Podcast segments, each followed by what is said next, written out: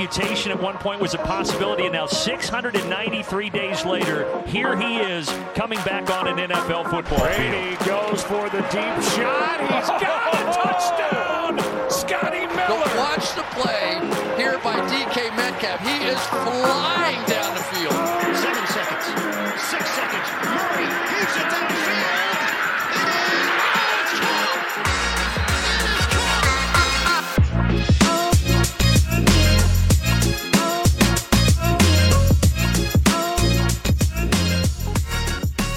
Welkom allemaal bij een nieuwe aflevering van de Sport Amerika NFL podcast. Na twee weken afwezigheid zijn we eindelijk bij jullie terug.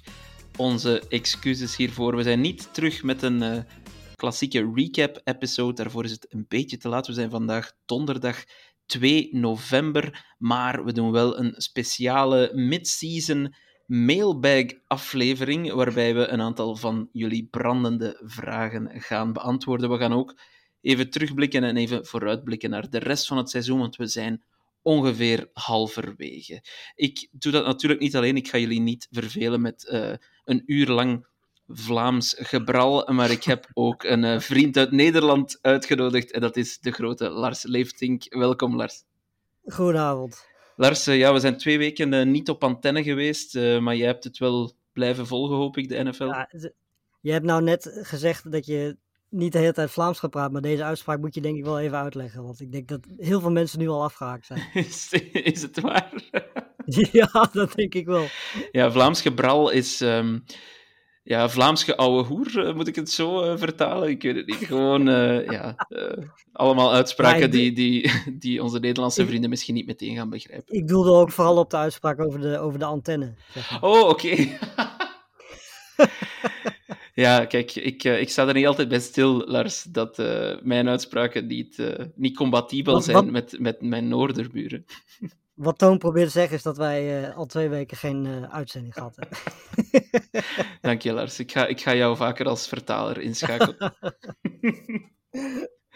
Hoe heb je de afgelopen twee weken in de NFL beleefd, Lars? Eh, Ehm, nou ja, de afgelopen weekend vond ik niet zo heel erg denderend. Eh, moet ik heel eerlijk zeggen. Ik denk dat we dat toch wel als het minste, minst spectaculaire weekend van eh, het seizoen tot nu toe mogen bestempelen. Ehm, de week daarvoor was, was wel aardig. Ik bedoel, Browns Colts was, was die week was leuk. Eh, verrassend genoeg leuk, had ik eigenlijk niet Ja. verwacht, maar het was wel een leuke wedstrijd. We hebben natuurlijk een paar mooie duels gehad. Hè. Chargers, Chiefs, Dolphins tegen de Eagles. Die wedstrijden waren, waren prima.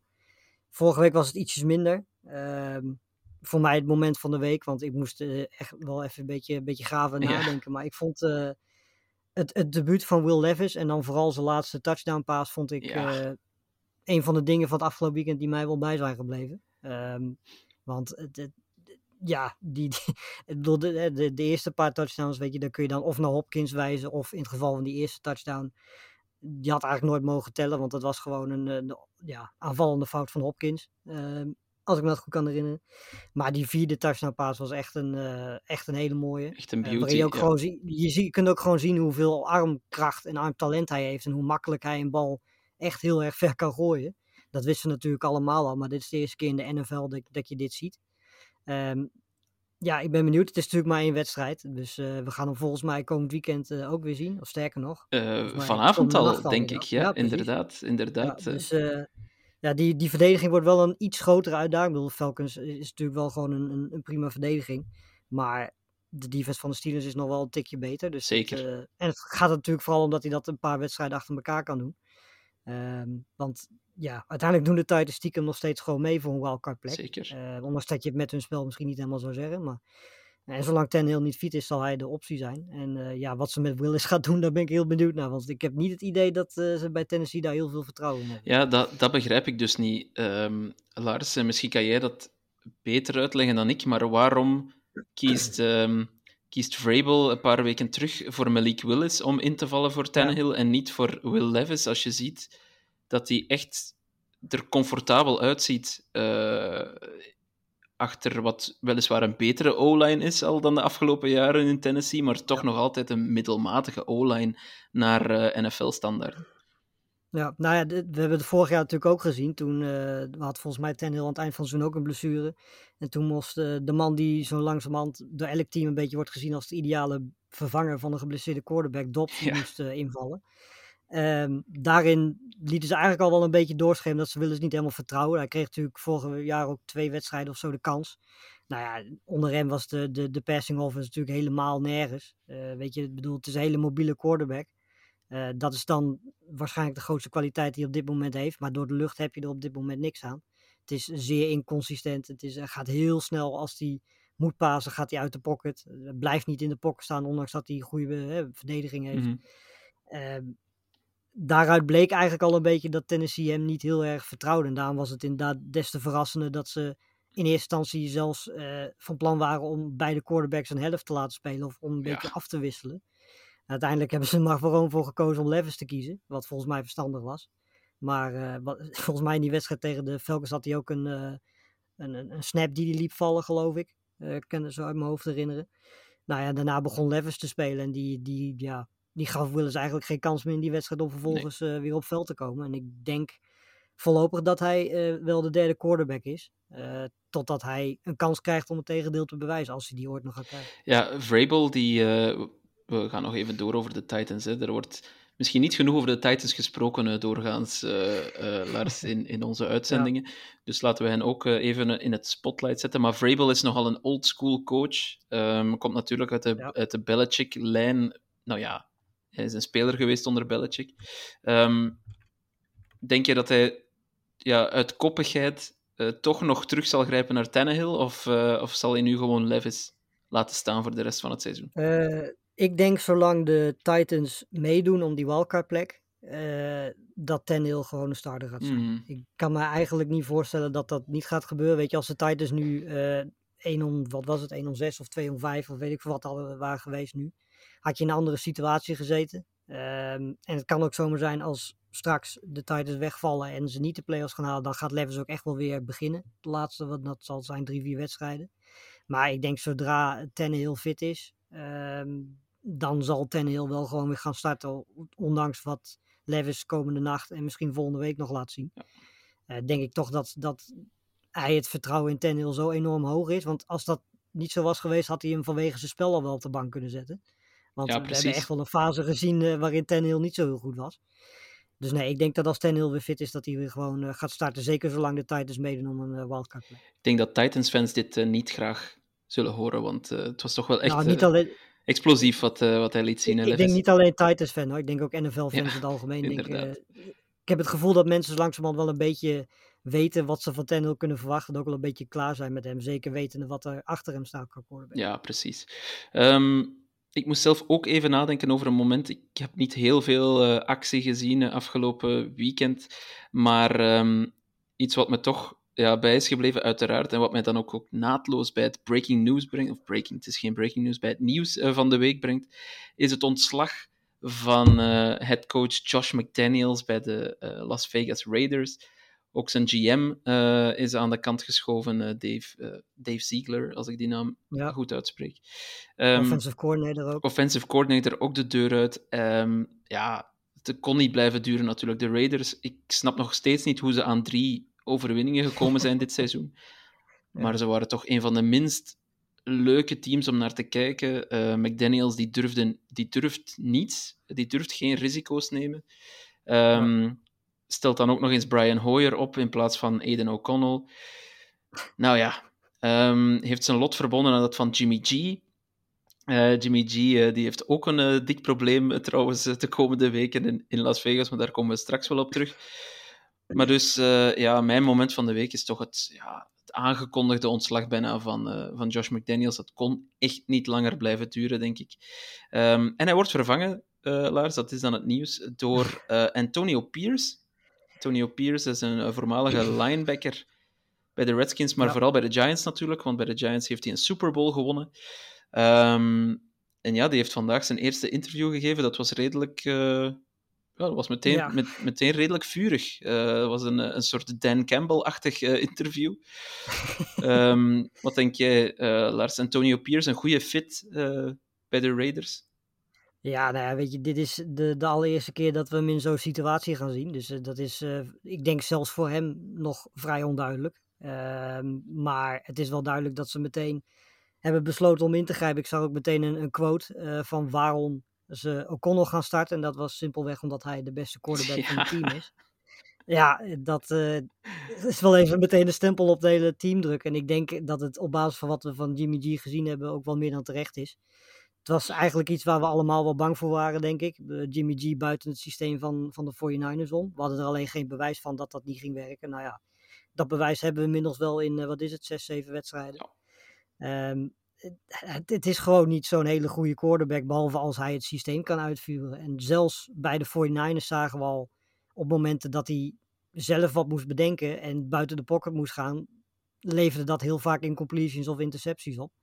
Uh, hij is gewoon niet zo mobiel, hij is gewoon niet zo goed in het zelf bedenken van oplossingen. Inderdaad. Uh, zolang hij iets voorgeschoteld krijgt uh, en een systeem heeft en spelers om zich heen heeft die het verschil kunnen maken, gaat het allemaal goed. En dat is bij de Raiders op dit moment gewoon niet het geval, zeker het systeem niet. Ehm, dus ja, en laten we wel weten, in de situatie waarin ze nu zitten, is het ook veel logischer om te kijken wat je in een O'Connell hebt. Um, want ja, van Jimmy G weet je inmiddels denk ik wel wat je krijgt. En uh, dat je met Jimmy G als quarterback niet heel ver gaat komen. Nee, klopt. Uh, ik ben zeer benieuwd ook wat, wat de toekomst van Jimmy G zal zijn. Want ja, die heeft natuurlijk een dik contract getekend uh, bij de Raiders voor toch wel een, een, jaar of vier, dacht ik. Dat moet ik even opzoeken ja. hoe lang zijn contract juist was. Um, maar goed, ja, die zijn toekomst zou in Las Vegas gelegen hebben, maar daar ben ik nu niet heel zeker van. Um... Nou, het is natuurlijk al fout gegaan bij het feit dat ze hebben besloten om niet verder te gaan met Carr. Ja, inderdaad. Want, uh, weet je, dat zeiden we toen ook al. Carr is niet een, een top 5 of een top 10 quarterback. Hij gaat niet per se uh, je team ja, heel veel beter maken. Maar het is wel gewoon een quarterback die elk jaar heeft bewezen top 15 te kunnen zijn en je team niet slechter maakt. Uh, dat is ook heel erg iets om te hebben. Daar zijn de Raiders nu zelf achter gekomen. Uh, en dan kom ik ook meteen uit bij iemand waarvan ik toch ook wel denk dat hij zo langzamerhand ook moet nadenken over of uh, hij niet, niet een hele grote rol in gespeeld heeft. Dat is de, de eigenaar. Ja. Want die heeft inmiddels al, nou wat is het, vier, vijf trainers, een stuk of drie GM's in de afgelopen jaren er doorheen ge, gebeukt. Ja. Uh, er is vrij weinig meer over van dat team dat, nou ja, nipt, maar wel de play-offs haalde. Uh, ja, ze moeten nu een, een, een keuze maken, want we hebben ook een vraag gekregen van Jimmy, misschien is dat een goede om hier te beantwoorden. Uh, of ze Adams en, en, Jacobs niet hadden moeten trainen. Inderdaad. Um, het, het, grootste probleem, denk ik, zeker bij Adams, is het, het, het, contract. Ik bedoel, Adams heeft natuurlijk een enorm contract daar getekend. En uh, deze situatie die je nu hebt, die gebeurde ook vlak voor de trade deadline. Dus dan moet je en heel snel schakelen. Uh, zowel de Raiders als de teams die hem zouden willen hebben. Als je moet heel erg veel opgeven om Adams te krijgen.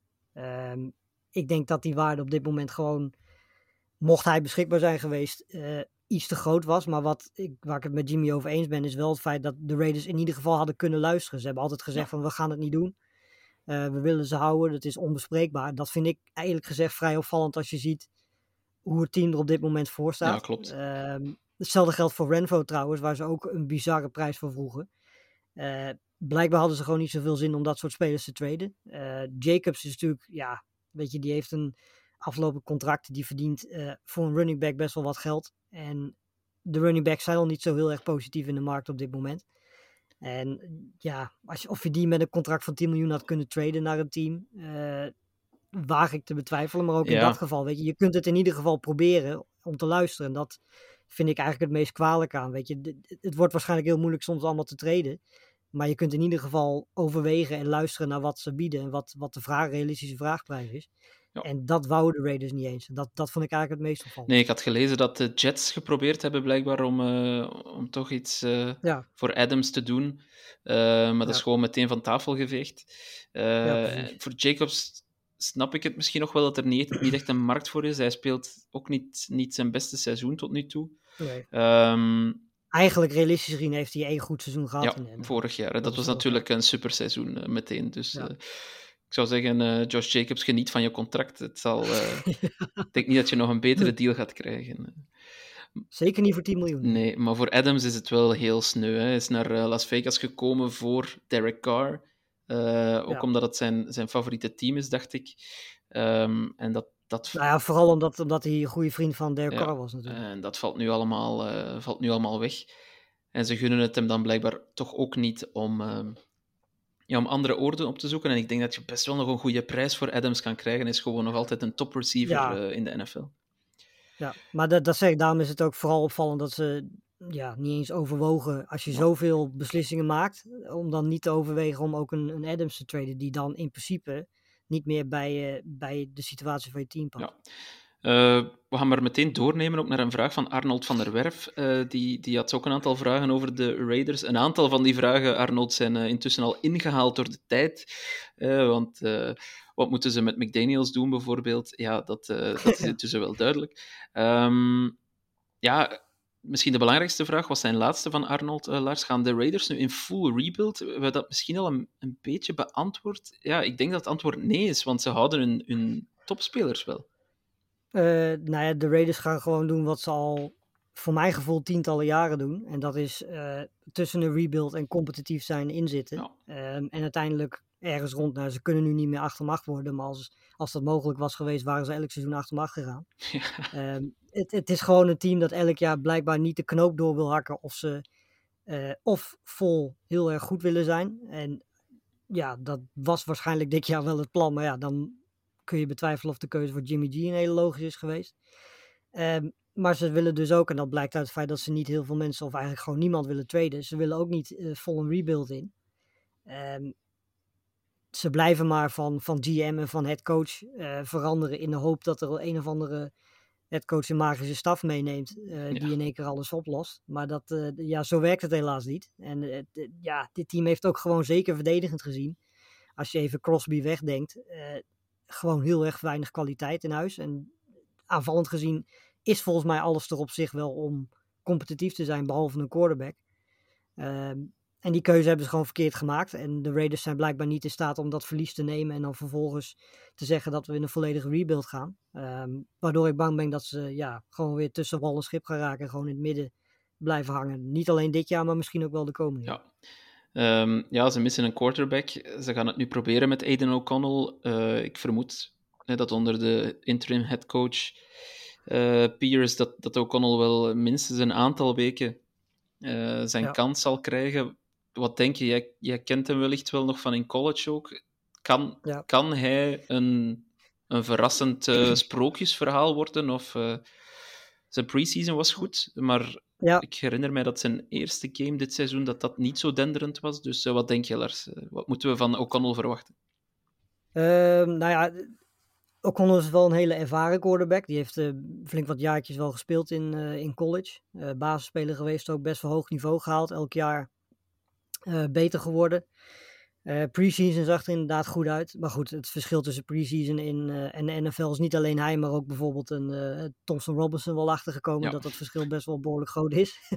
Ehm, ja, weet je, het gaat heel veel afhangen. We kunnen zeggen wat we willen, maar het gaat ook heel veel afhangen van de coachingstaff en de playcalling, het systeem waar ze mee gaan spelen. Weet je, in principe heeft hij een running back naast zich waar hij op kan vertrouwen. Hij heeft receivers, weet je, ik bedoel, ja, als je een rookie quarterback hebt, dan heb je het liefste receivers als Myers, als Adams, als Renfro in ieder geval aan je zijde staan. De offensive line is, is gewoon middenmoot. Dat is in principe acceptabel genoeg om daar gewoon productief mee te kunnen zijn. Dus het, het, ja, het gaat natuurlijk gaat het deels afhangen bij, eh, van hem, van zijn beslissingen maken. En dat was een van zijn mindere punten in college. Ehm, alles in de NFL zal nog een stukje sneller gaan. Eh, dat, daar is ook bijvoorbeeld een Bryce Young wel achter gekomen. Eh, eh, cornerbacks zijn en linebackers zijn een stuk slimmer dan dat ze in college zijn. Eh, coaches zijn een stuk slimmer dan dat ze in college zijn. En ja, dat gaat tijd kosten om daaraan te wennen, zoals dat bij elke rookie is, ook bij hem. Ehm, de vraag is alleen ja, of het een, een compleet drama wordt, of dat hij het acceptabel genoeg kan houden, zodat de Raiders hem ook willen blijven opstellen. Ehm, want ja, de meeste spelers worden in principe beter naarmate ze meer wedstrijden spelen. Ehm, maar in principe zijn alle ingrediënten er daar. De enige vraag is hoe hij het zelf gaat doen en vooral hoe de coachingstaff gaat zijn. En ja, dat weten wij nu niet, dat weten de Saints niet en dat weet eigenlijk uh, de, de headcoach zelf ook nog de niet. De Raiders uh, bedoel je? niet de, ja, niet de, de Raiders. Ja. Nee, de Raiders. Absoluut. Uh, ja, we gaan het meteen zien dit weekend. Hè. Ze moeten tegen de Giants thuis. Um, en ik denk de week erop tegen de Jets. Dus meteen twee New York teams om om te zien wat je in huis hebt met, met O'Connell. Ben, uh, ja. ben wel benieuwd. Um, voor we nog meer vragen gaan beantwoorden, Lars, nog even uh, het hebben over alle trades die we deze week gezien hebben. Het was uh, ja. trade deadline uh, eergisteren dinsdag, op 31 oktober was dat. En ik moet zeggen, naar mijn gevoel waren er meer moves dan, dan anders. Het, het lijkt erop als er toch, alsof er toch iets meer getrade wordt in de NFL dan, dan afgelopen jaren, maar dat kan gewoon een, een indruk zijn. Um, ja. Want er zijn ook best wel wat grote moves geweest. En dat is toch zeker anders dan andere jaren, ja. naar, mijn, uh, ja. naar mijn aanvoelen. Uh, en de twee, misschien wel belangrijkste, waren uh, ja, Young en Sweaty van Washington Commanders. Die zijn beide weggetrade na hun verlies tegen de Eagles. hebben, de, hebben de Commanders beslist om, om te, opnieuw te starten, om de resetknop in te duwen. En Chase Young is weggetrade naar de 49ers voor een uh, derde ronde pick. En Montez Sweat die is naar de Bears, dat was wel een beetje verrassend, uh, weggetrade voor een tweede ronde pick. Lars, welk van beide teams heeft de beste deal? Uh, ik denk dat ik eigenlijk het antwoord al weet, maar heeft de beste deal en de beste keuze gemaakt? Ja, nee, de, de 49ers, absoluut. Die hebben een pick later hoeven opgeven voor, in mijn ogen, een, ja, het is een beetje appels met peren vergelijken in mijn ogen, want in principe is Chase Young natuurlijk een pure pass rusher. Uh, iemand die uh, vaak in het backfield te vinden is, veel turnovers kan, uh, kan genereren. En Montres Vet is wat meer een, een, ja, een run defender die op zich prima pass rusher is. Maar het is vooral op basis van run defender natuurlijk heel erg goed wat hij laat zien. Um, dus het is appels met peren vergelijken. Maar als je het puur over de speler hebt, dan denk ik dat de deal voor Chase Young wel een betere deal is. Zeker ook omdat we tot nu toe dit jaar wel hebben gezien, sinds hij van die blessure terug is, dat hij misschien wel op het beste is waar hij tot nu toe ooit heeft gezeten. Ja. Zijn eerste jaar was natuurlijk fantastisch. Maar uh, wat hij tot nu toe laat zien in die korte tijd dat hij speelt, is, uh, is heel goed. En de enige ding wat ik dan een beetje heb, en dat is dan echt wel een beetje muggenziften, maar ik had persoonlijk het idee dat de Voornaar misschien wat meer versterking in hun offensive line hadden kunnen stoppen, mm-hmm. in plaats van in hun pass rush. Want laten we wel wezen, die defensive line en pass rush van de 49ers is al heel sterk. Uh, Chase Young eraan voegen is natuurlijk, kan natuurlijk nooit geen kwaad. Uh, zeker niet voor een team dat, dat dit jaar wil winnen en alles op alles zet om dan voor die Super Bowl te gaan. Ja. Maar ja, ik bedoel, weet je, met afstand de zwakke plek van dit team is, is de offensive line op dit moment. Ja. En natuurlijk uh, wordt dat een beetje goed gemaakt door het systeem en door het feit dat je veel receivers hebt die in principe alleen maar de bal in de handen nodig hebben om, om plays te maken. Dus dan heb je ook niet veel tijd nodig voor je offensive line om, om, om de quarterback te verdedigen. Dat zal waarschijnlijk overweging zijn geweest. Um, en we weten allemaal dat de 49ers heel erg houden van, van dit soort spelers zoals Chase Young en, en mogelijkheden als die er zijn om daarvoor te traden. En ik, ik denk dat de 49ers, de rijken zijn rijker geworden, zullen ja. we maar zeggen. Ja, ja dat klopt. Um, ik, ik, denk nu ook wel inderdaad, ja, als ik de laatste paar wedstrijden en vooral de drie opeenvolgende nederlagen van de 49ers bekijk, leken ja. ze mij ook vooral in de secondary kwetsbaar uh, als je dan naar de verdediging kijkt. Um, ja. Kirk Cousins die, die had echt wel een, een soort field day tegen de, tegen de 49ers, dat had niemand verwacht, denk ik. Maar uh, inderdaad, hè, wat je zegt ook aan offensieve zijde, ja, als Purdy onder druk komt, uh, wordt het toch allemaal een beetje minder um, de afgelopen weken. Dus uh, inderdaad, de O-line, daar had ik ook wel nog wat versterking verwacht. Maar goed, ze zijn voor de D-line gegaan, enfin, voor de front seven gegaan. Um, we zullen zien hoe het werkt. Het lijkt er sterk op dat het een rental is, zoals we dat dan noemen, gewoon voor de rest ja. van het seizoen daar een derde ronde pick voor opgeven en dan in free agency uh, zien ze wel weer. Um, ja, de, de Bears daarentegen, die hebben toch wel echt de intentie, zou ik denken, om Montez Sweat voor langere tijd aan zich te binden. En daar hadden we ook een vraag over gekregen van Jimmy, onze vriend van de show. ja, hoe dom zijn de Bears als ze Sweat niet weten te verlengen, Lars? Ja, nou ja, het kan maar de enige logische verklaring zijn waarom ze überhaupt traden voor Sweat en een, een second round pick ervoor opgeven. Want ja, weet je, normaal gesproken maak je dit soort moves, hè, zoals de 49ers doen als je een team bent dat ver de playoffs in wil gaan of zelfs voor de Super Bowl kan gaan. Um, het merendeel van de trades die we gezien hebben, dat zijn dat soort teams die dat soort keuzes maken. Ja. En, en de Bears die doen dat dus nu normaal gesproken met het idee om in ieder geval de eerste te zijn die een kans maakt om met Sweat een lange contract te Want het is natuurlijk niet zo dat hè, we al zeker weten dat, dat Sweat zijn contract daar gaat verlengen. Maar je zou ervan uitgaan dat de Bears van tevoren wel met Sweat gepraat hebben. Ook van, heb jij interesse als we voor jou traden om bij ons te blijven? Uh, want het zou wel bizar zijn als je dan deze trade maakt en Sweat vervolgens zegt van nou ik ga toch free agency in. Uh, bekijk het maar. Ja. En, uh, precies, dus dat, dat zou wel vrij bijzonder zijn. Maar het was sowieso opvallend, want rondom deze trade hoorden we ook dat ze misschien wel hun beste speler, Jalen Johnson, dat ze die overwagen om, om, om, te traden. Ja. Hebben ze het eigenlijk niet gedaan. Maar ja, weet je, dan, dat praat dan eigenlijk wel een beetje tegen elkaar. Dat je dan je beste verdedigende speler eigenlijk wil verkopen. Ook nog eens een jonge speler waar je hè, nog lang mee door kunt. Maar je dan wel een trade wil maken voor, voor Sweater, waar je ook gewoon een second round pick voor opgeeft. Ja. ja, de Bears uh, front office kan er niet altijd uh, kop uh, of staart nee. aan krijgen. Dit is misschien ook een Vlaamse uitspraak, waarvoor mijn excuses. um, een andere trade die best wel opviel, uh, was die van uh, een quarterback, Joshua Dobbs, een, uh, een, een journeyman in één seizoen zelfs. Want wat startte ja. het seizoen bij Cleveland, werd dan getrade naar Arizona.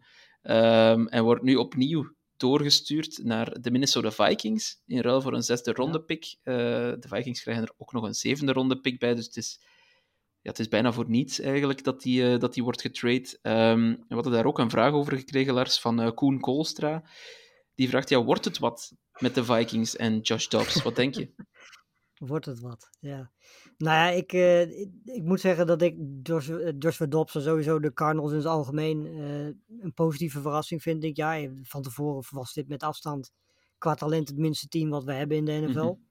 En eigenlijk hebben ze in elke wedstrijd zijn ze competitief geweest. Ze zijn nergens echt compleet afgemaakt. Ja. Uh, hebben het elk team wel moeilijk kunnen maken op bepaalde momenten. Um, en daar is Josh Dobbs, Josh Dobbs wel een heel groot onderdeel van geweest. Uh, begon, zeker de eerste drie wedstrijden was het heel goed. Weet je, de, de, laatste tijd is het ietsjes minder. Zie je ook iets meer turnovers. Gaat hij toch iets geforceerder spelen, omdat hij toch denkt van ja, weet je, winnen zou toch ook wel leuk zijn. Uh, ja, die kans gaat hij bij de Vikings wel krijgen. Laten we wel wezen. Hij krijgt natuurlijk bij de Vikings wel veel meer talent om zich heen. Dat denk ik ook, ja. Hij zal het, uh, hij zal het nog eventjes zonder Jefferson moeten doen natuurlijk. Maar goed, offensive line van de Vikings presteert dit jaar goed. Uh, ook zonder uh, Jefferson erbij hebben ze natuurlijk nog steeds heel veel wapens. Hè, met Osborne, met Hawkinson. die dit seizoen ook goed speelt. Met natuurlijk Edison, die dit jaar heel goed speelt. Ja. Ehm, ja, running game heeft hij daar niet echt. Maar het positieve van Josh Dobbs is dat hij natuurlijk in de running game ook uh, zijn kwaliteiten heeft. Dat heeft hij laten zien bij, uh, bij de Cardinals. Dus wellicht dat dat ook gaat helpen in het een beetje activeren van Madison.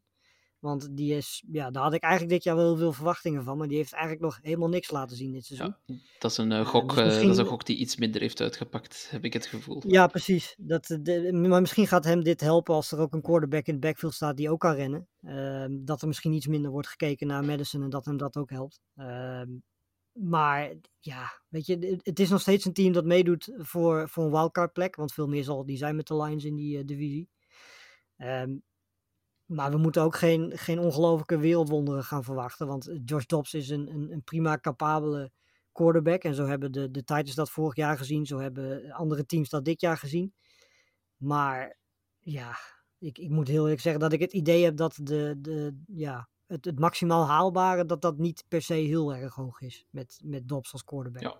Het is sowieso een downgrade ten opzichte van Cousins. Zeker. Want die was echt, echt heel goed aan het spelen dit jaar. Ja, de reden natuurlijk, hè, voor zij die dat nog niet hadden meegekregen, dat Dobbs getrade uh, werd naar de Vikings, of waarom dat de Vikings voor Dobbs zijn gegaan uh, last minute, is natuurlijk omdat Cousins zijn Achillespees heeft gescheurd afgelopen weekend. Ja.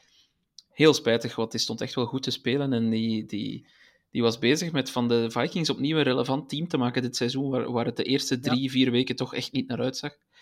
Um, Josh Dobbs zeker een, uh, een, een, downgrade op dat vlak, maar wie weet. De NFC maar is heel top-heavy, gewoon... dus... Uh, ja. ja. precies. En we moeten ook gewoon zeggen dat er waren ook niet heel veel meer. Weet je, je komt dan alsnog bij een Brissett uit. Ja. Of bij, nou ja, noem ze maar op, een Winston. Winston die waren waarschijnlijk ook allemaal nog, nog duurder geweest.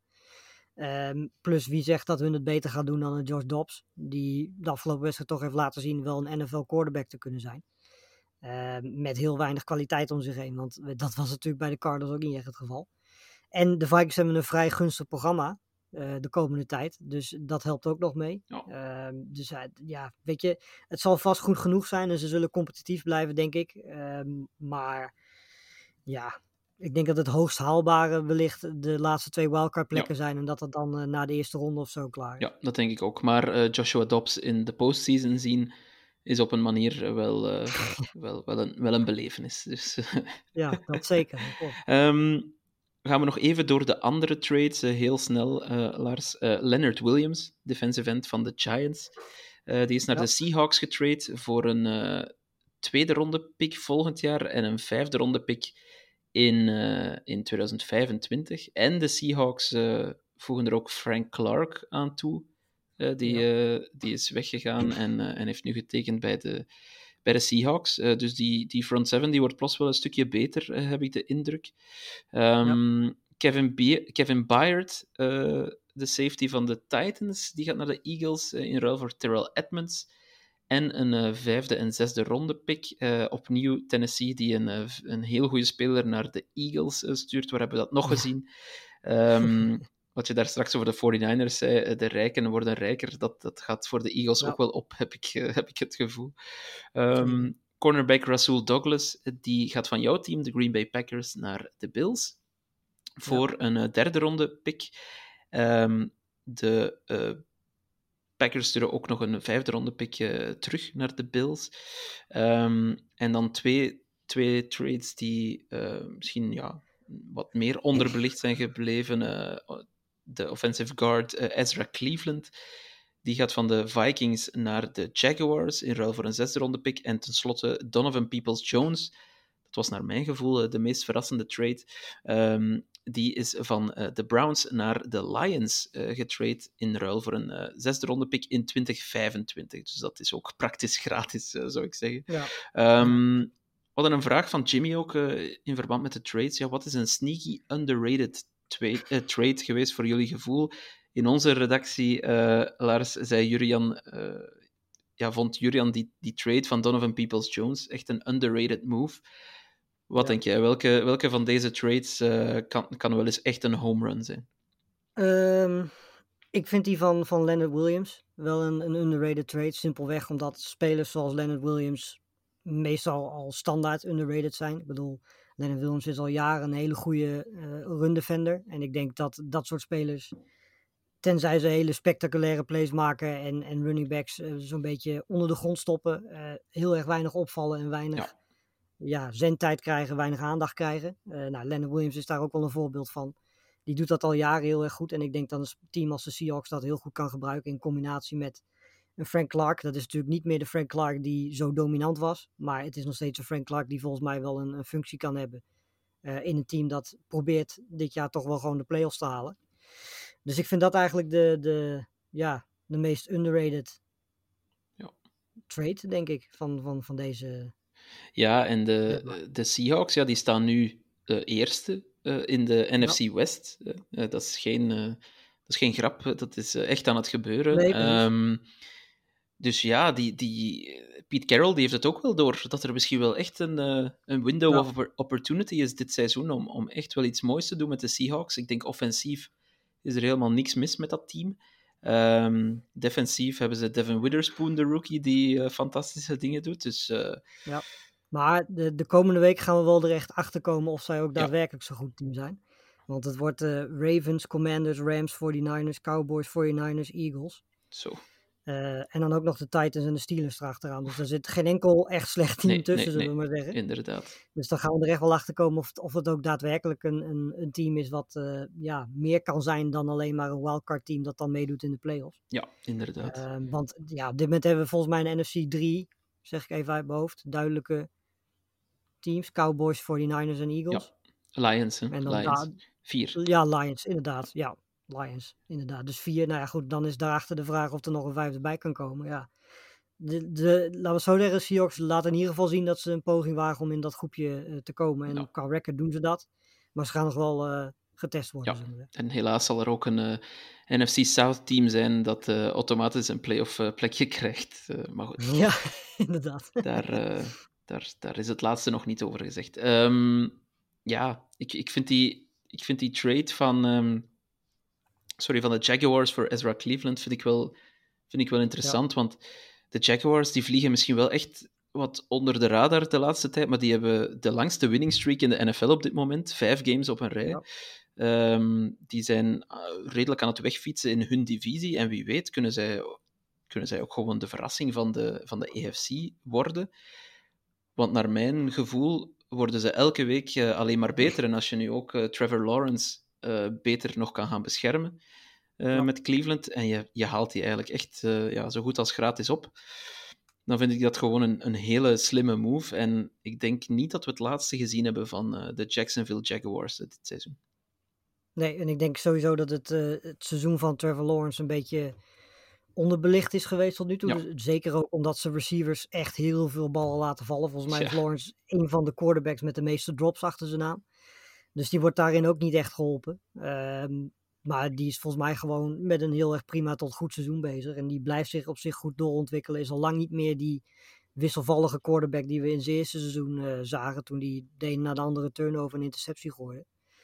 Dus eh, ja, nee, dit is, gewoon, dit is gewoon overal gewoon een heel goed team. En eh, ja, in de AFC is een heel goed team, zijn meestal niet goed genoeg. Maar ja, de vraag is of ze die volgende stap kunnen zetten naar, naar de elite teams, hè, naar de Chiefs, naar de Bills. Eh, noem ze maar op. Inderdaad. Ehm, ik ben zeer benieuwd. Ik, eh, ik gun het ze wel. Ik vind het een, eh, een leuk team om naar te kijken, de Jaguars. Ehm, ja, zeker, zeker fijn. En ook fijn dat Trevor Lawrence een goede headcoach heeft gevonden, want dat was in zijn eerste seizoen helaas niet het geval. Inderdaad. alright, dan gaan we nog even verder met de mailbag, Lars. Ehm, Jimmy, eh, die vroeg, die had een heel wat vragen die hij aan ons eh, gevraagd heeft. Ehm, de volgende is een beetje tongue-in-cheek, durf ik vermoeden, maar moet iedere quarterback voortaan aan het eh, koffie met mayonaise dieet, ehm, zoals Will Levis dat gedaan heeft?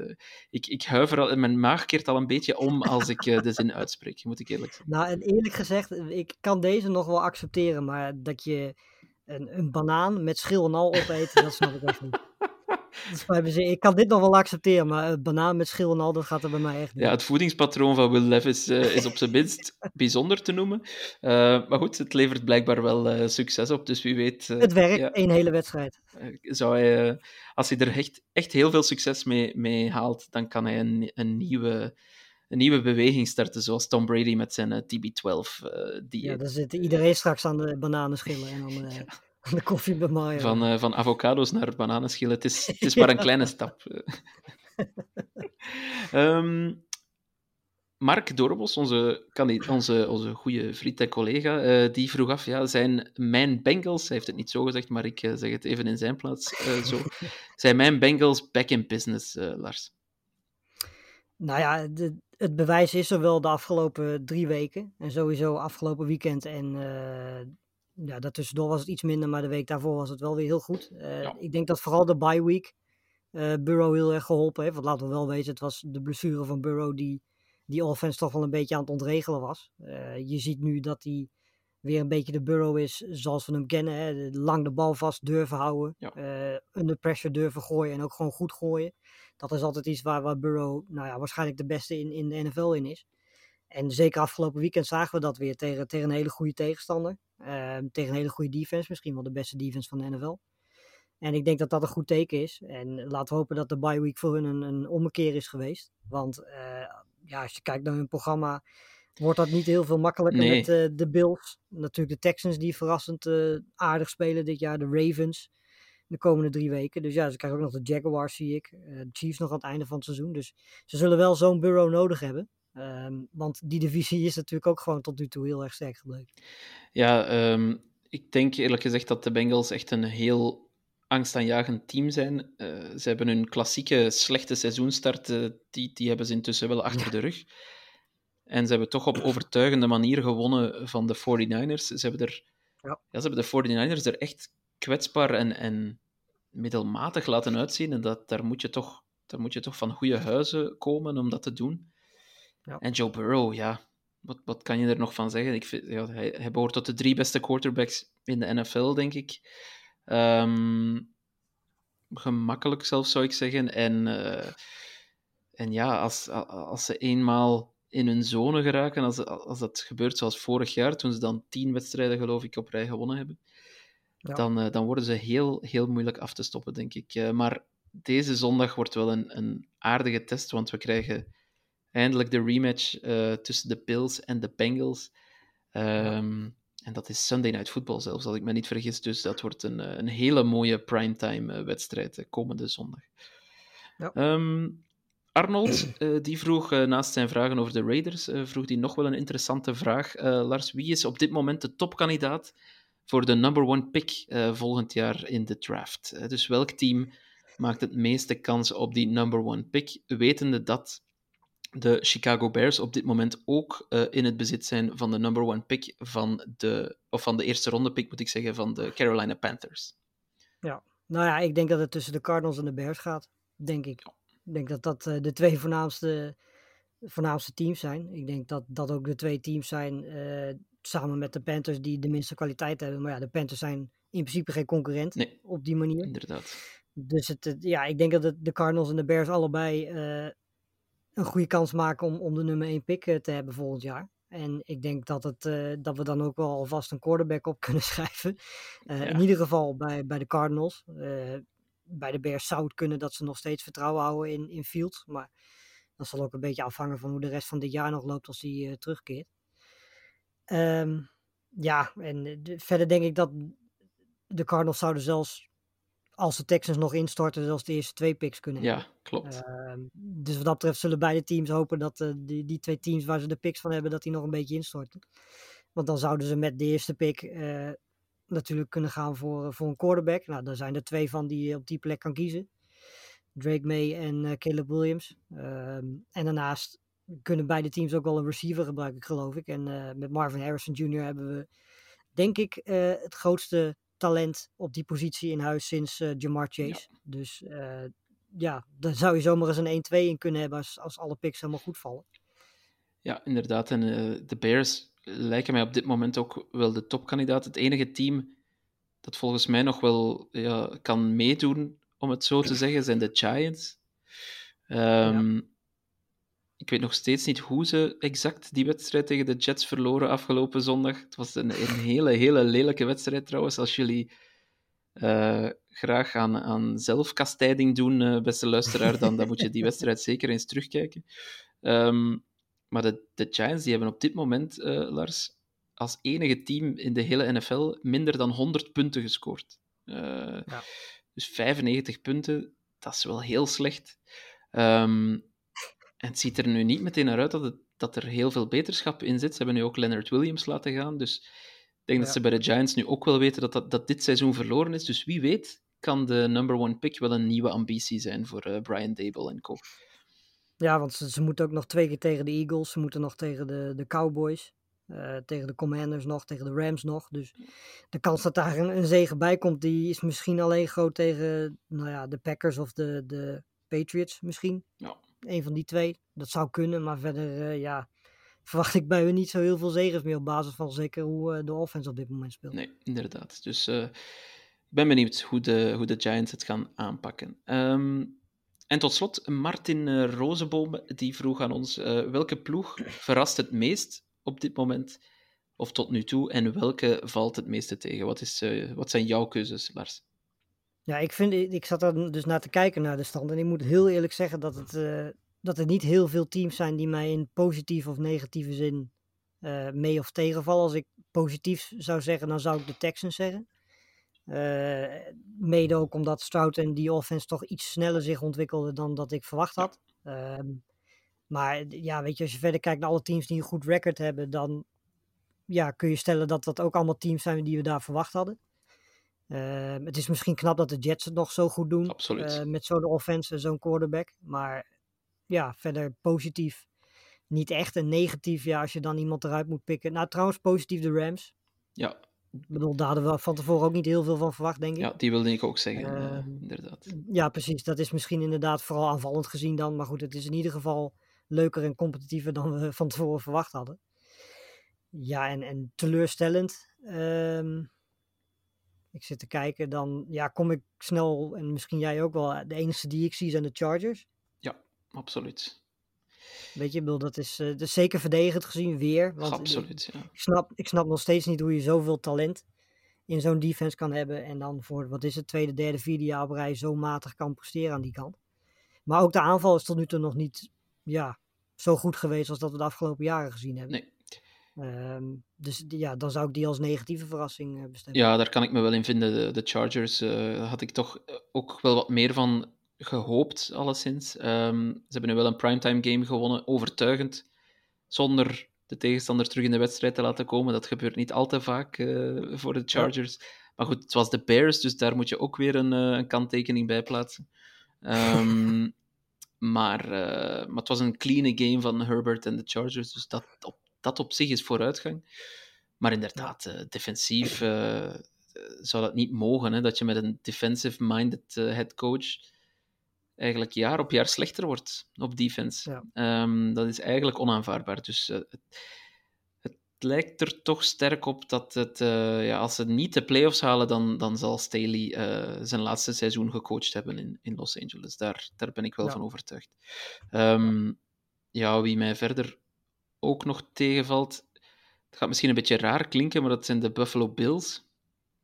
Ik vind dat Ja. ze op hun eh, twee blowouts in het begin van het seizoen na en ook hun wedstrijd tegen de Dolphins, die was zeer goed.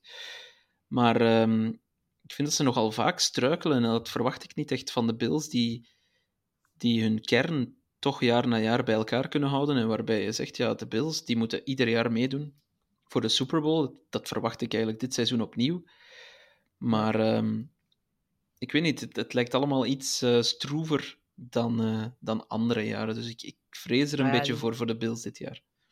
Kijk, eh, ze hadden eigenlijk ook van de Giants moeten verliezen. Ja, voilà, Als je die precies. wedstrijd nog, nog kunt herinneren, Ja. dat is al een, een vrij bizarre überhaupt dat dat, dat dat kon. Ik bedoel, tegen de Patriots was het ook alles behalve indrukwekkend.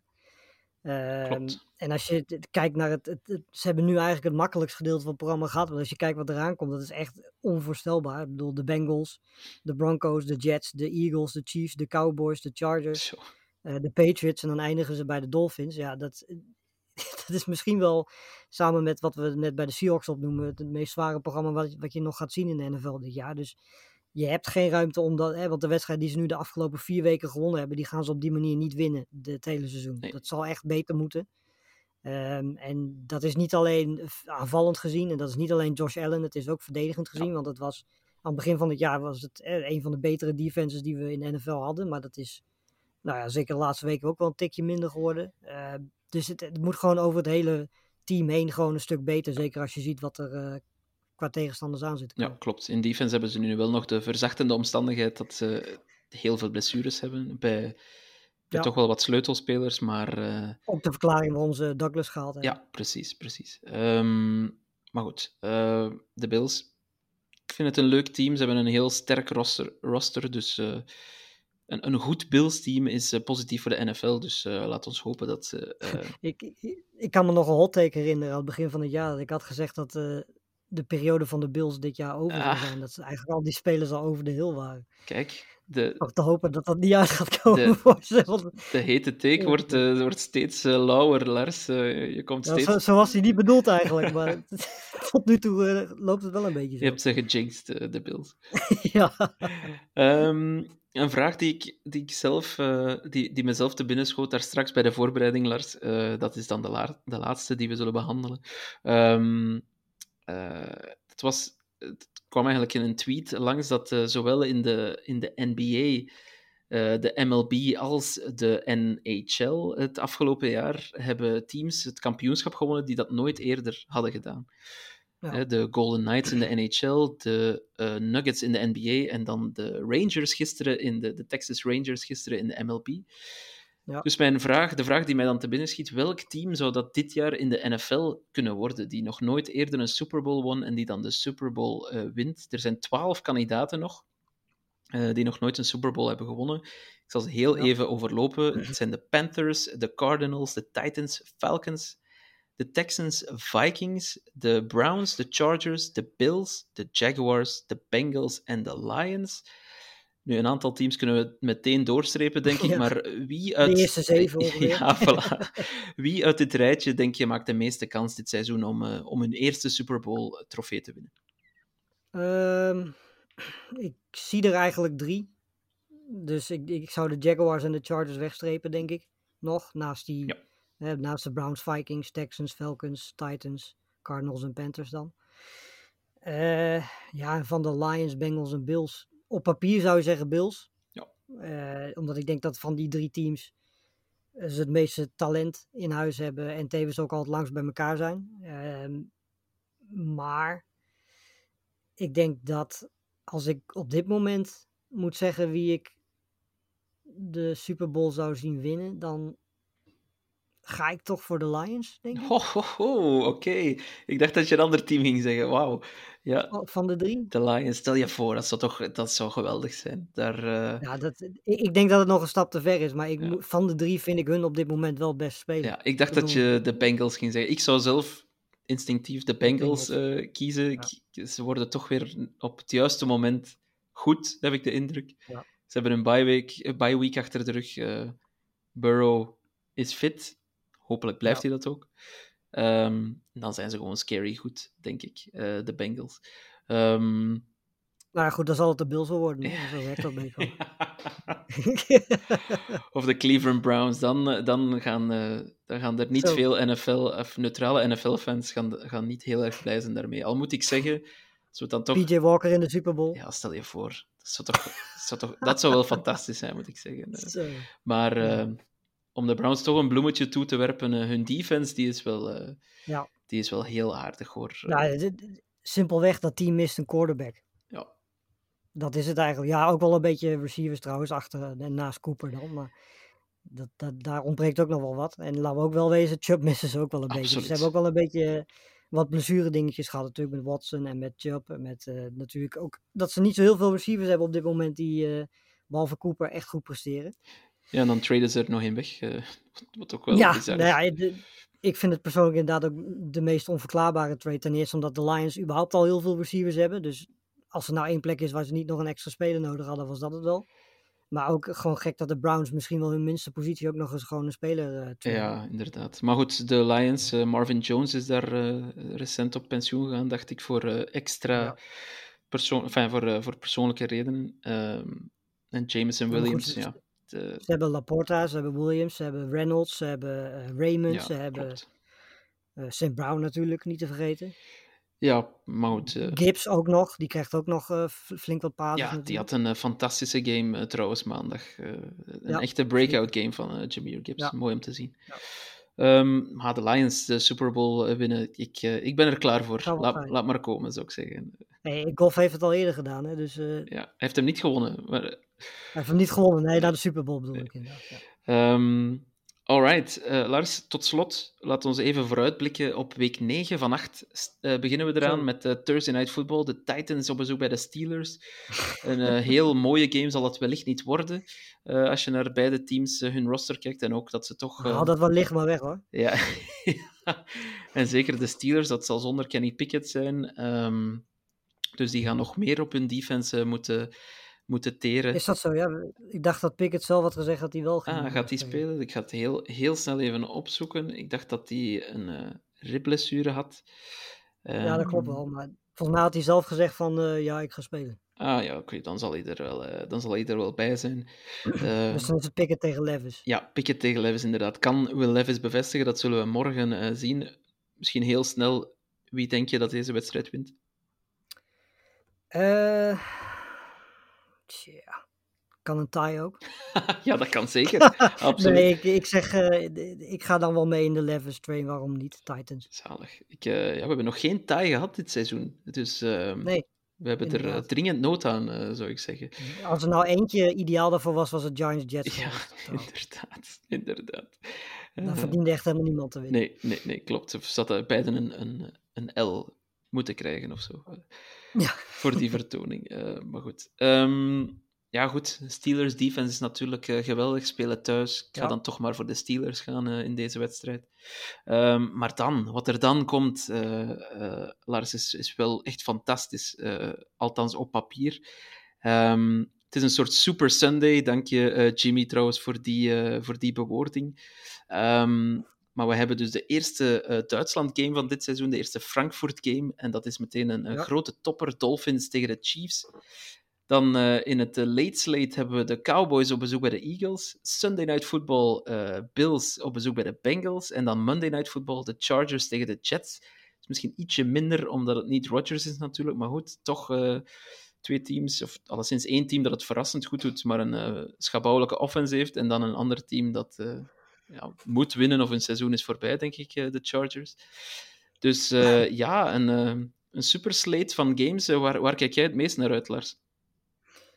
Ja, ik denk dat het, het voorproefje ook meteen het hoofdgerecht is eigenlijk. Ik denk dat Dolphins Chiefs, dat wordt, ja. ja. op papier zou je denken dat dat 40-40 wordt of zo. Ja. Je kan je eigenlijk bijna niet voorstellen dat daar niet heel veel gescoord gaat worden. En ik denk dat iedereen die uh, komende zondag naar, naar Duitsland gaat, daar uh, echt van gaat genieten. Want het gebeurt niet heel vaak in Europa dat je zo'n wedstrijd met twee van zulke goede teams uh, in Europa ziet spelen. Inderdaad. want het zijn meestal allemaal van die teams die in het middenveld zitten of die aan het tanken zijn die daarheen gaan. Ehm, maar dit is, ja, dit is op papier natuurlijk ook een fantastische quarterback matchup, maar ook de, de, de receivers aan beide, aan beide kanten, zeker bij de Dolphins natuurlijk. En sowieso de, de coaching staffs aan beide kanten. Um, ja, normaal gesproken, weet je, ze hebben twee teams die verdedigend zitten ze allebei een beetje in de middenmoot. Het is allemaal degelijk, maar het is niet slecht, maar het is ook niet heel erg goed. Um, het, het is vooral de offense waar, waar iedereen het over heeft en iedereen naar kijkt als je deze twee teams uh, bespreekt. En ja, op basis daarvan, de over-under is 51, zie ik hier nu ja, staan. klopt. Ja, en ik, denk de, ik, ben wel, ja. ik ben wel geneigd om de over te nemen, moet ik heel eerlijk zeggen. Ik dacht dat de Chiefs ook uh, zijn, zijn met het kleinste verschil favoriet, denk ik. Eén puntje, één puntje ja. uh, favoriet. Um, het wordt wel heel bijzonder. Maar de belangrijkste, de belangrijkste vraag is, is Taylor Swift er ook? Ja, voorlopig, voorlopig nog, niets, uh, nog niets over gezien. Nee. Um, het zou wel bijzonder zijn als ze mee zou vliegen. Maar ze heeft haar eigen privéjet, dus ze kan wel nog uh, snel over en weer, denk ik. Nou, misschien doet ze de halftime ja, dat zou, In het t-shirt. Dat zou wel een grote win zijn. Uh, ook voor Jurian, die erbij zal zijn trouwens. Zo, inderdaad. En Chris ook, als ik me niet vergis. Dus onze redactie zal goed vertegenwoordigd zijn.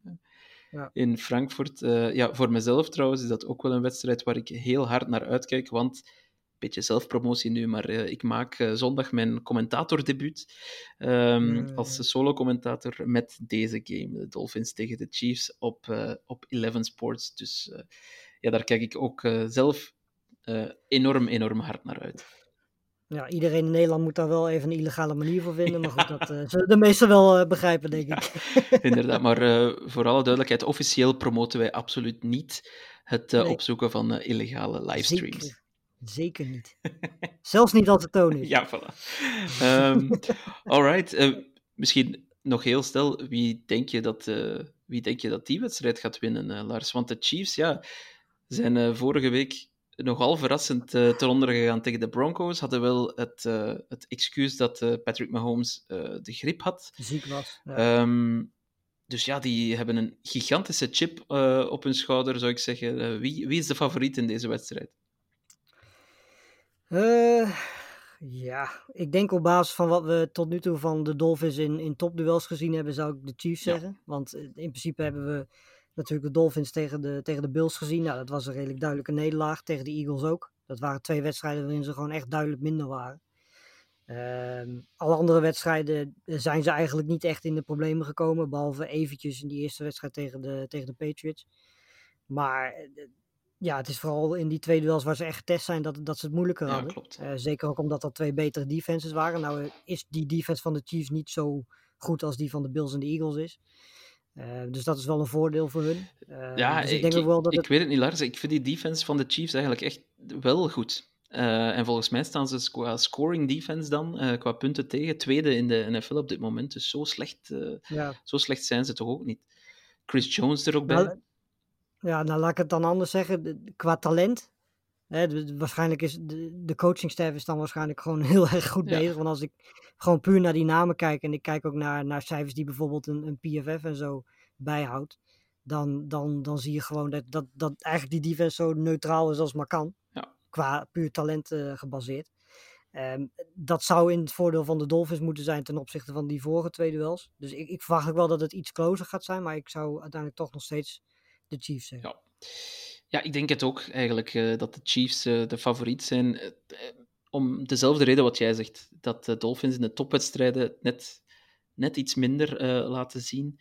Ehm, het enige wat misschien wel nog in het voordeel van de Dolphins kan spreken, en dat is iets wat we in de London Games gezien hebben, zij zijn twee dagen vroeger, geloof ik, afgezakt naar Duitsland. Ja.